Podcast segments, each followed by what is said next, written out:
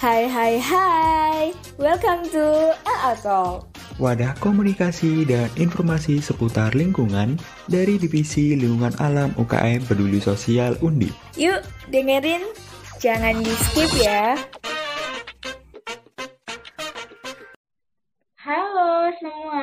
Selamat datang di akhir bulan September, di mana pastinya tiap akhir bulan juga LA Talk datang menyapa kalian semua. Oke, kali ini LA Talk hadir di episode 4, di mana kali ini kita akan ngobrol seru nih.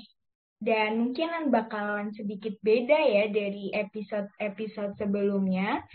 Dan tema kali ini kita akan berdiskusi, ngobrol-ngobrol santuy dengan tema itu The Monster Behind Our Lifestyle, The Creation Impact of Fast Fashion. Wah, keren banget gak sih temanya? Dan pasti kalian juga bakalan penasaran gak sih?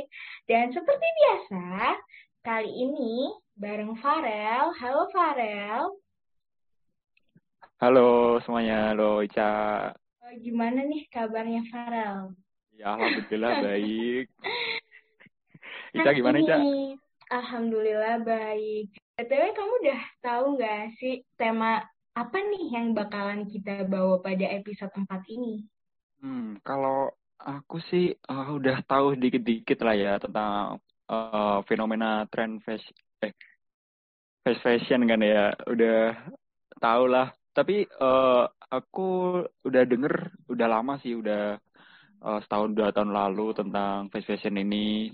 Tapi sampai saat ini juga uh, sepertinya masih menjadi masalah gitu buat uh, lingkungan sekitar gitu sih. Kita kita nggak cuma diskusi berdua aja gitu ya. Kita ada gestar uh, luar biasa apa biasa gitu kan ya.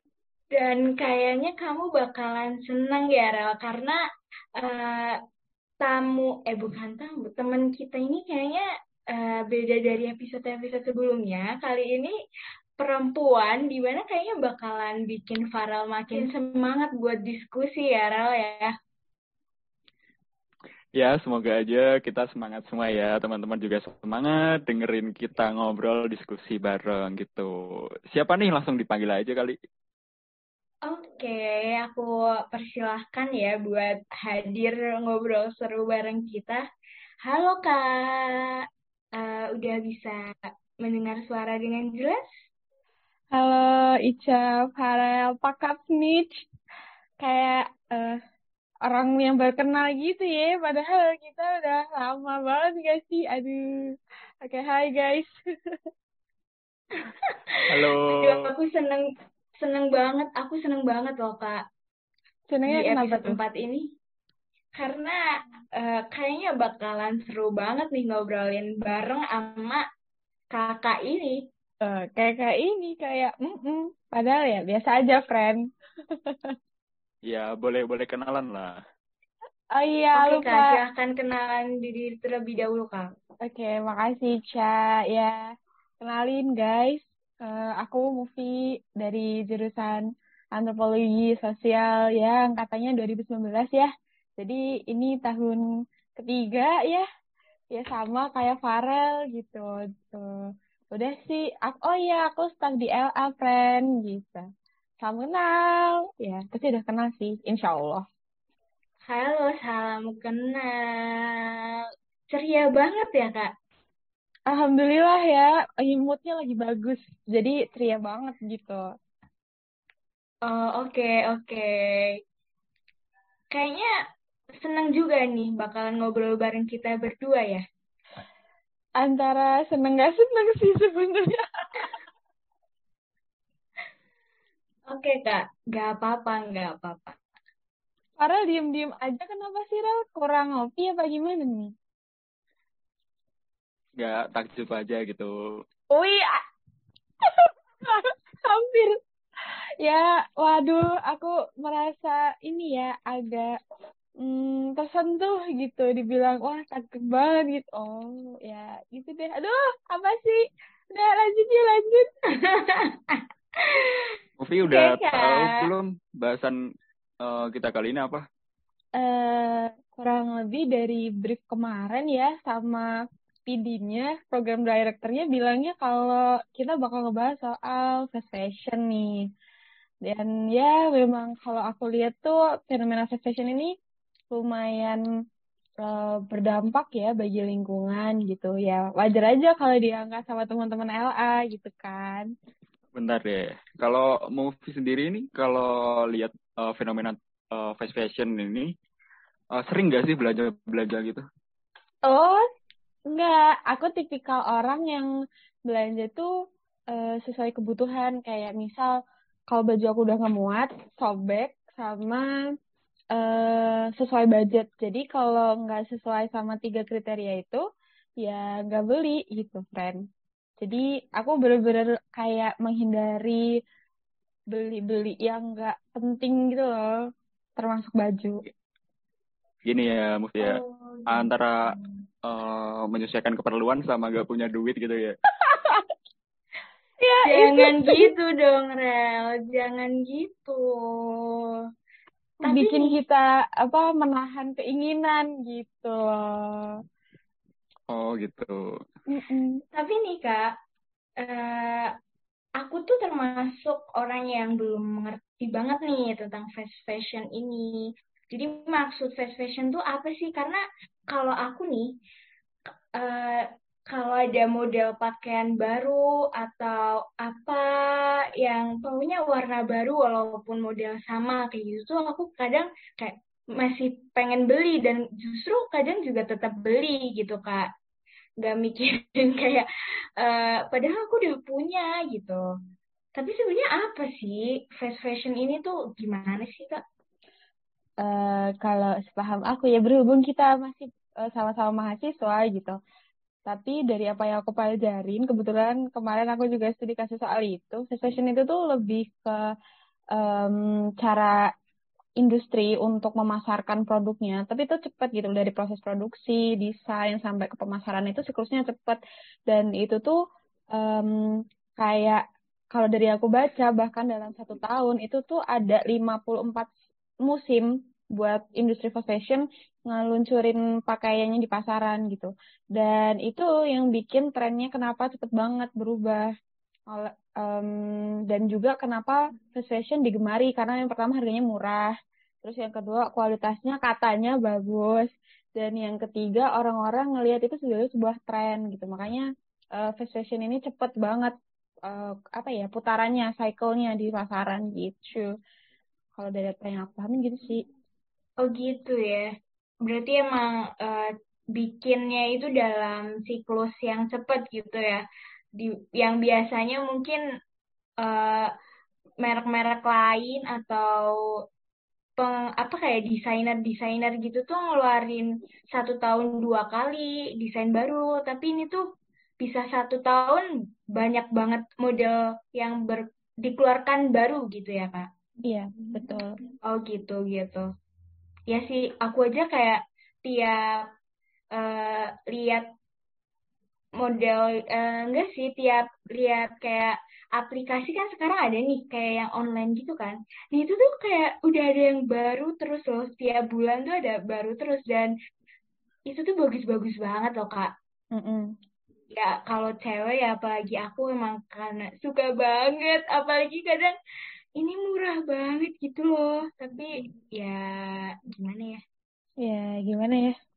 Ya emang sih antara kebutuhan dan keinginan itu garisnya tipis banget. Iya, sebenarnya sebenarnya kalau dari aku tuh keinginan gede, tapi keuangan tuh yang kecil. keinginan gede, keuangan kecil gitu. Ya gitu, emang konsepnya harus gitu. Kalau uang kita banyak ya keinginan kita gampang terpenuhi gitu kan. Hmm. Terus kalau uh, gini, kita kan lihat nih uh, tren uh, fast fashion ini uh, kalau sekarang uh, mungkin masih jadi masalah gitu kan di uh, masyarakat atau lingkungan kita. Terus kalau menurut movie sendiri, uh, mereka yang mungkin membeli barang-barang uh, yang fast fashion itu uh, mikir gak sih dampak uh, dari mereka beli itu gimana gitu? dari apa yang aku lihat mereka tuh beli hanya kayak pengen kayak apa yang saya tadi bilang ya aku pengen aja beli gitu kalaupun memang apa nggak sesuai sama kebutuhan ya udah nggak apa-apa yang pertama tuh karena tren apalagi nih ya kalau di TikTok tuh sekarang kan ada yang namanya kayak Shopee Haul terus apa it's not Shane it's Shopee gitu. Ya hal-hal yang kayak gitu kan yang mendorong konsumsi kita tuh tambah tinggi gitu. Jadi kita kayak pengen cepet-cepet ganti yang baru. Padahal baju di lemari kita yang masih ada tagnya itu juga banyak gitu. Dan menurut aku fast fashion itu nggak cuma soal brand-brand gede ya, yang kayak Zara, H&M, Uniqlo, Forever 21, tapi juga produk-produk yang memang diproduksi untuk mengubah tren secara cepat di masyarakat, walaupun brandnya nggak segede mereka gitu. Kayak yang dibeli sama Ica misalnya di Shopee. Karena diskon tuh harganya lima puluh dua ribu padahal harga aslinya dua ratus lima puluh ribu gitu. Itu bisa um, apa ya juga jadi dampak tersendiri ke lingkungan. Padahal ya karena kita iming-imingnya diskon tren yang di TikTok yang di Instagram gitu. Kayak orang-orang yang nggak mau ketinggalan tren gitu loh. Hmm iya iya paham paham. Berarti kalau kita lihat itu emang uh, orang-orang yang uh, apa ya konsumtif lah konsumtif istilahnya kayak gitu kan ya. Hmm. Mereka cuma mementingkan uh, mungkin uh, lifestyle-nya dia sendiri gitu kan ya. Iya, bener banget. Dan itu bakal kita pahamin kalau kita tuh udah ada di uh, di luar borderline itu loh. Kalau kita masih di dalamnya, masih di dalam orang-orang yang sama dengan tingkat hmm. konsumtivitas yang tinggi, kita nggak akan ngelihat itu sebagai sebuah masalah. Tapi kalau kita di luar itu kita baru tahu oh ternyata masalahnya gini loh, oh ternyata dampaknya ke lingkungan gini loh gitu. Hmm, ngomongin dampak ke lingkungan nih, emang dampaknya itu apa sih, Muf? Dampaknya gede banget, friend. Um, kalau dari apa yang kemarin aku sempat dikasusin tuh ya, kebetulan banget nih. Di UK, Inggris, itu setiap tahunnya hampir 500 ratusan ribu ton pakaian itu kebuang di landfill. Dan itu tuh eh, nggak uh, kepake lagi. Bahkan ada yang cuma sekali pakai terus dibuang gitu. Dan itu tuh nggak bisa diolah lagi loh karena udah masuk landfill dan otomatis jadi limbah. Terus juga ada beberapa uh, produk kayak jeans jeansnya Levi's gitu. Terus berbagai macam produk jeans yang diusus sama produk-produk uh, brand gede di Afrika ada yang sungainya sampai berubah warnanya jadi biru karena uh, mereka waktu pewarnaan itu ngebuang limbahnya nggak sesuai dengan SOP. Jadi mereka buang aja ke air, ke, buang aja ke sungai. Sama kayak di Cina juga gitu. Makanya di Cina kan tingkat um, apa namanya? Itulah limbahnya yang terbuang ke laut itu cukup tinggi loh, friend. Gitu karena mereka kan aturan untuk mengikat perusahaan tentang hmm, pengelolaan limbah itu cenderung lebih longgar dibandingkan negara-negara maju.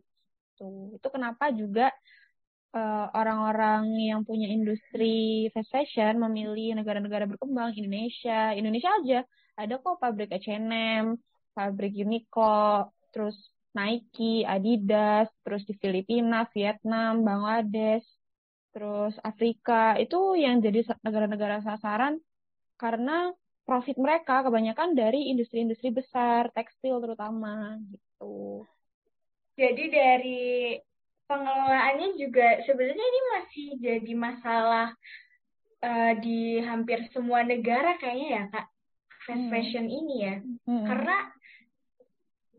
ya semua orang pasti suka fashion sih. Kalau kamu sih sebenarnya suka fashion nggak?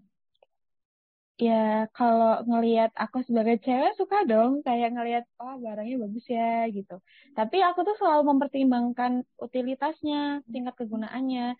In case ya, aku kalau misalnya punya duit, aku nggak pernah langsung ngabisin atau langsung beli barang-barang yang aku pengenin.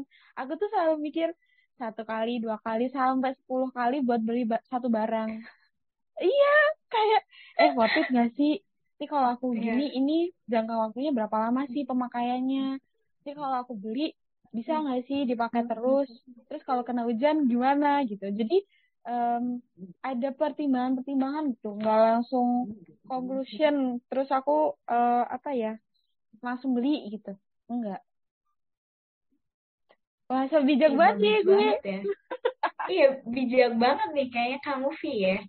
Eh, sedikit beda sih sama aku. Tapi aku juga ini Kak, kadang aku emang apa yang aku udah punya, kadang aku beli. Tapi aku udah punya gitu. Tapi kadang juga aku eh, memperhatiin kebutuhan aku ya, nggak semuanya aku beli dengan gampang kayak gitu ya Kak. Kadang tuh aku per- pernah nih, aku juga pernah kayak ini aku butuh nggak sih gitu. Biasanya aku kan beli lewat Shopee kayak gitu ya, karena siapa sih yang nggak tahu Shopee, apalagi diskonannya kan kadang banyak nih, apalagi gratis ongkir, itu kan kayak bikin seneng gitu ya. Jadi kadang aku di keranjang tuh udah banyak banget, tapi aku, aduh ini butuh nggak ya, butuh nggak ya, gitu. Tapi di saat jangka waktu yang dari aku masukin ke keranjang ini sama eh, kayak pertimbangan aku, itu kan agak jeda waktu gitu kan. Dan di jeda waktu itu ketika aku kayak, oke aku kayaknya beli aja deh gitu. Ternyata aku cek tuh udah habis gitu Kak. Udah habis, jadi kayak ada sedikit menyesal gitu. Kenapa aku nggak beli aja sih gitu. Nah, kamu Vi pernah ngerasain itu juga nggak? Pernah sih, kayak, ya itu aja gak sih, setiap orang mesti punya barang yang pengen dibeli gitu kan. Sekalinya udah pengen, terus sesuai sama kebutuhan gitu. Eh, habis. Gitu. Itu udah wajar sih. Ini Farel diem aja karena nggak relate apa gimana nih? Coba kita tanya sebagai sudut pandang cowok kali. Ya, sudut Ya. pandang cowok ya. Mana paham begitu Wanda. Kalau belanja ada sih ya, kan barang yang pengen dibeli gitu. ya kalau aku sih tinggal beli aja selama ada duitnya gitu. Oh, Tapi pernah kepikiran ini nggak sih, Rel? Kayak ternyata tuh limbah pakaian juga ngaruh ke lingkungan gitu. Pernah nggak? Kalau aku pribadi sih eh, beli pakaian gitu jarang banget, jarang banget jujur. Karena eh, selain mungkin tempatnya gak ada, terus makainya ya senyaman kita aja, pakaian yang senyaman kita aja kita pakai gitu kan ya. Belum tentu barang yang mungkin eh, bermerek seperti eh, H&M, terus Uniqlo atau eh, dan lain-lain gitu kan ya. Itu nyaman buat kita gitu. Jadi kita eh, kita, aku sih, aku milihnya ya yang eh, nyaman aja dipakai gitu. yang penting comfort ya. Iya, kenyamanan, kenyamanan memang penting banget sih. Hmm. Kalau udah nyaman pasti bakalan suka banget bisa dipakai. Ya, kayak Sering, pasangan kayak- nggak sih? Kalau udah nyaman Iya, ya. bener. Kalau udah nyaman, tapi di ghosting itu kayak gimana ya? Ya, ya udah ya. ini out of the topic ya, out of the topic. Tapi pernah nggak sih eh, di benak Ica sama Farel gitu kepikiran kalau ternyata fast fashion atau produk-produk yang kita pakai ini yang dari eh, cotton misalnya itu tuh eh, apa ya proses untuk bisa sampai ke pakaian butuh banyak banget air loh. Dari yang aku baca tuh sekitar tiga sepuluh ribu liter sampai tiga ribu liter di satu pakaian. Iya iya, aku juga pernah baca sih itu eh, buat ngolahannya kapasnya itu kan ya. Dari- nggak cuma ngolahnya sih dari nanem sampai dia Oh, apa oke. bisa dipanen terus diolah sampai jadi pakaian gitu. Iya benar banget Pernah sih. sih, pernah. Kayak kayaknya yang kayak jeans gitu nggak sih Kak? Itu yang banyak banget. Cotton masuk jeans gak sih? Kayaknya enggak deh. Cotton tuh Enggak ya? cotton tuh baju Kalau cotton bud gak masuk sih. Cotton bud. Iya. Cotton candy juga kayaknya nggak masuk ya? enggak. Cotton Iya candy dong. kena air rusak dong. Nggak bisa. Harus nggak bisa ya. Iya. Udahlah, canda mulu deh. Tapi menurut aku itu lumayan mind blowing sih karena kayak oh bisa ya perasaan gue kalau beli baju tinggal make-make aja ternyata prosesnya segini panjangnya loh gitu bahkan tuh dari em, tugas yang aku bikin kemarin nih Ye, itu orang-orang yang kerja di bawah industri garment kebanyakan itu dapat perlakuan yang nggak enak loh. Kayak pertama biaya produksinya itu rendah. Jadi orang-orang itu yang kerja di industri garment, mereka dibayar dengan upah rendah walaupun jam kerjanya tinggi. Bisa sampai 8 sampai 12 14 jam sehari. Itu nggak terhitung upah lembur. Terus bahkan yang bikin kaget itu kalau teman-teman tahu masalah yang di Bangladesh di tahun 2013 itu yang bikin ada revolusi fast fashion. Gara-gara Bangladesh itu uh, namanya Rana Plaza Building itu sampai roboh gara-gara di satu satu building itu tuh lebih dari 30 ribu orang. Bahkan nggak cuma 30 ribu. Itu yang kerja di industri garment dan gedung itu tuh isinya tuh perbankan bahkan sampai hmm, outlet-outlet pakaian gitu banyak yang meninggal lebih dari 10 ribu orang miris banget ya kak Iya, aku juga pernah dengar sih itu. Korbannya yang uh, meninggal juga emang banyak banget, Kak. Karena emang ambruk, bener-bener ambruk gitu loh. Iya. Iya, bener-bener nggak memperhatikan infrastrukturnya ya. Iya.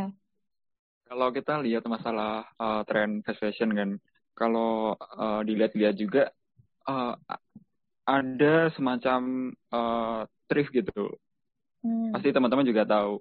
Uh, fenomena thrift itu uh, menurut Movi dampak atau hubungannya sama tren fast fashion itu gimana, Bu?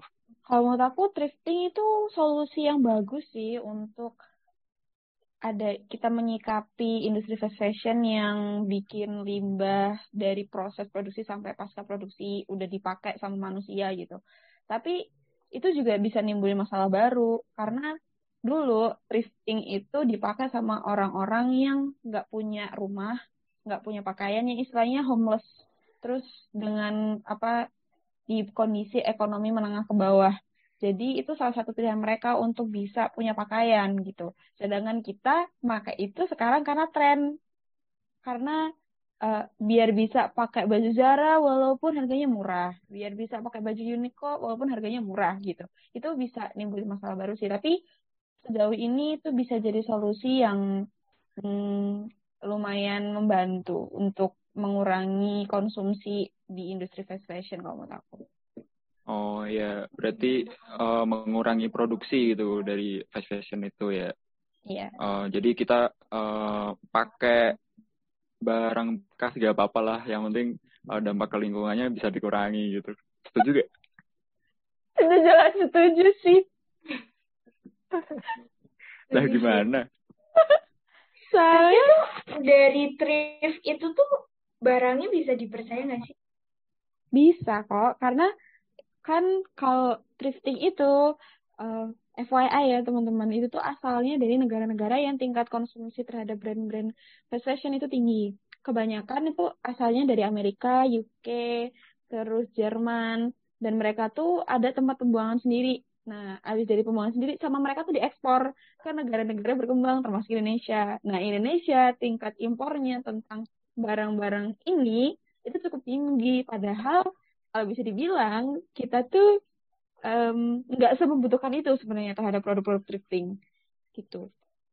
Kalau dibilang dampaknya ke lingkungan ya karena itu ada lingkaran sustainnya kepakai lagi di kita nggak kebuang ke lingkungan ya bisa bisa buat ngurangin limbah. Cuman ya tetap aja sih kamu aku.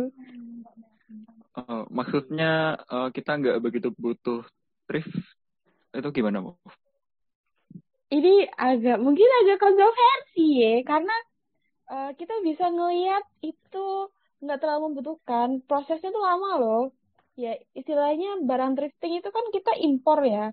Sedangkan banyak produk-produk dalam negeri yang bisa kita pakai tapi masih bagus dan baru harganya lebih murah gitu.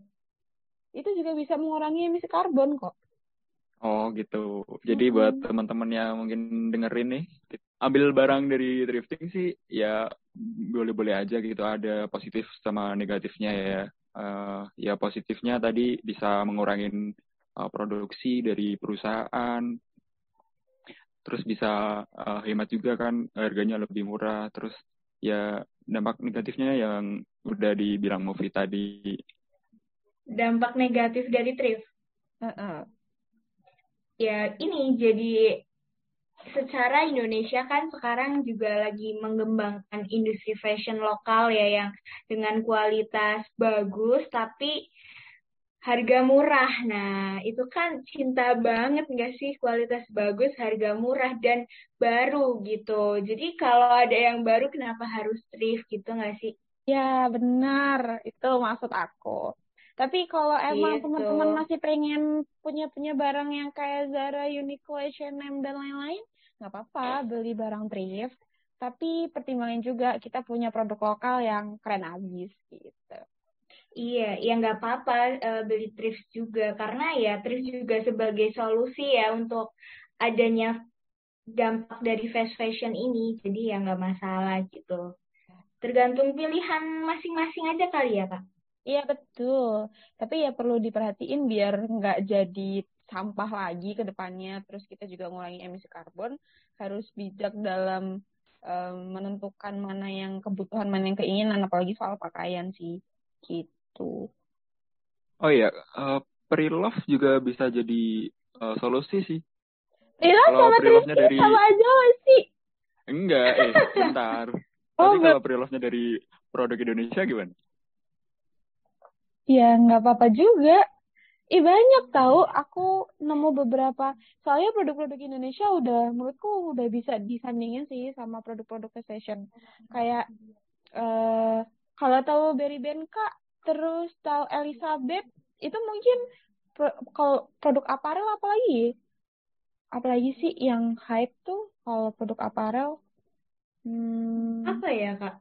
Kadang tuh kita lupa gitu. Yang penting kita make gitu aja. Merek-merek lokal tuh kadang lupa. Mm-mm. Ya itu itu udah mulai bagus kok.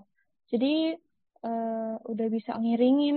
Maksudnya ya nggak apa-apa juga kalau misalnya thrifting. Cuman mungkin value-nya beda kali ya. Kayak Iya, ya lah barang Indo Merek apaan sih? masa thrifting ya kali pre-love juga gitu.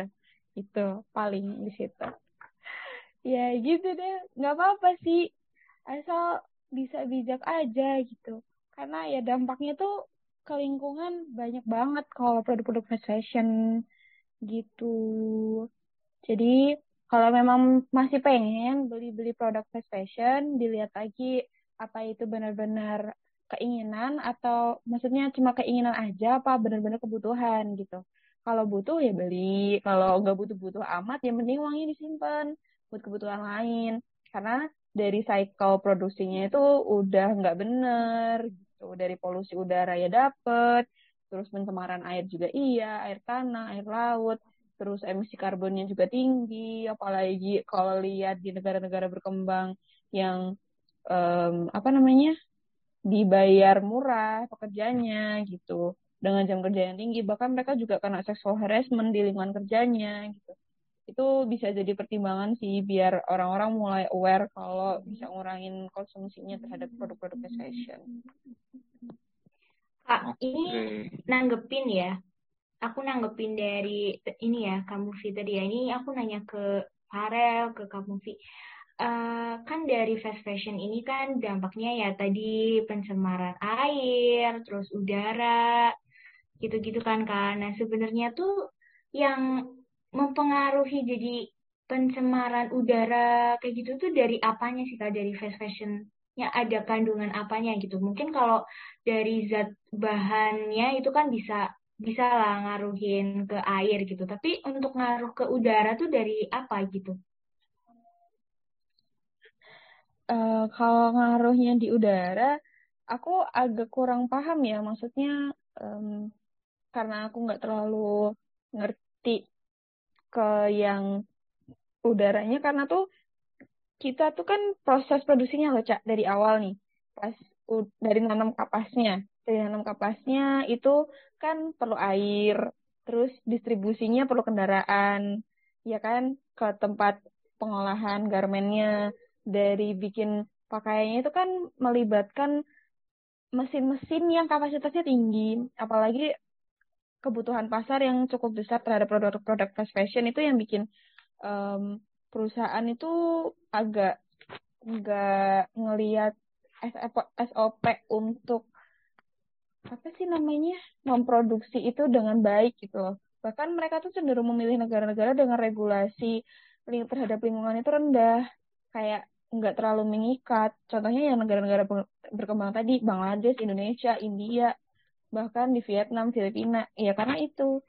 Terus kalau di udara ya karena industri kan kalau industri ada pembuangan limbah ke udaranya kan, nggak cuma ke air doang ya itu yang bikin kenapa harus jadi pertimbangan.